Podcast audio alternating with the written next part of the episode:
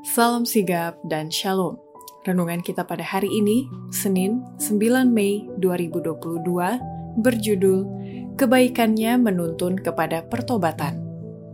Ayat intinya terdapat di dalam Roma 2 ayat 4. Maukah engkau menganggap sepi kekayaan kemurahannya, kesabarannya, dan kelapangan hatinya?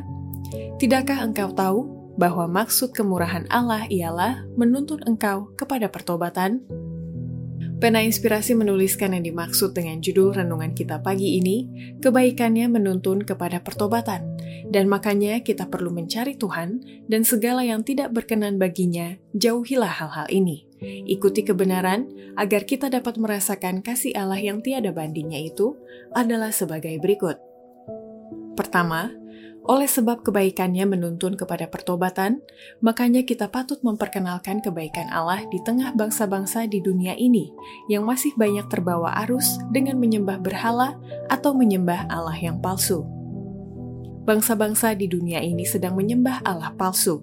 Mereka harus dipalingkan dari kebaktian yang palsu, bukan dengan mendengar kutukan terhadap berhala mereka, tetapi dengan sesuatu yang lebih baik. Kebaikan Allah harus diperkenalkan. Kamulah saksi-saksiku, kata Tuhan, bahwa aku adalah Allah. Kedua, oleh sebab kebaikannya menuntun kepada pertobatan, maka itu kita wajib untuk selalu setia memelihara jiwa mereka dengan prinsip surgawi, sehingga sinar yang ada di dalam diri mereka terpancar kepada dunia. Para pengikut Kristus adalah terang dunia, tetapi Allah tidak menyuruh mereka supaya berusaha memancarkan sinar dia tidak merestui kegiatan yang memuaskan diri sendiri dalam memperagakan kebaikan. Dia ingin agar jiwa mereka diimbasi dengan prinsip surgawi. Kemudian, sementara mereka berhubungan dengan dunia ini, mereka akan memancarkan sinar yang ada dalam diri mereka. Kesetiaan yang sungguh-sungguh dalam setiap tindakan hidup akan menjadi sarana penerangan. Ketiga, oleh sebab kebaikannya menuntun kepada pertobatan, maka itu, sebagai orang percaya, kita harus selalu berusaha menggunakan kuasa yang diberikan Allah padanya dalam kehidupan yang berhubungan dengan dunia ini. Adalah satu prinsip sejagat bahwa apabila seorang tidak mau menggunakan kuasa yang diberikan Allah padanya, kuasa ini akan memudar dan binasa.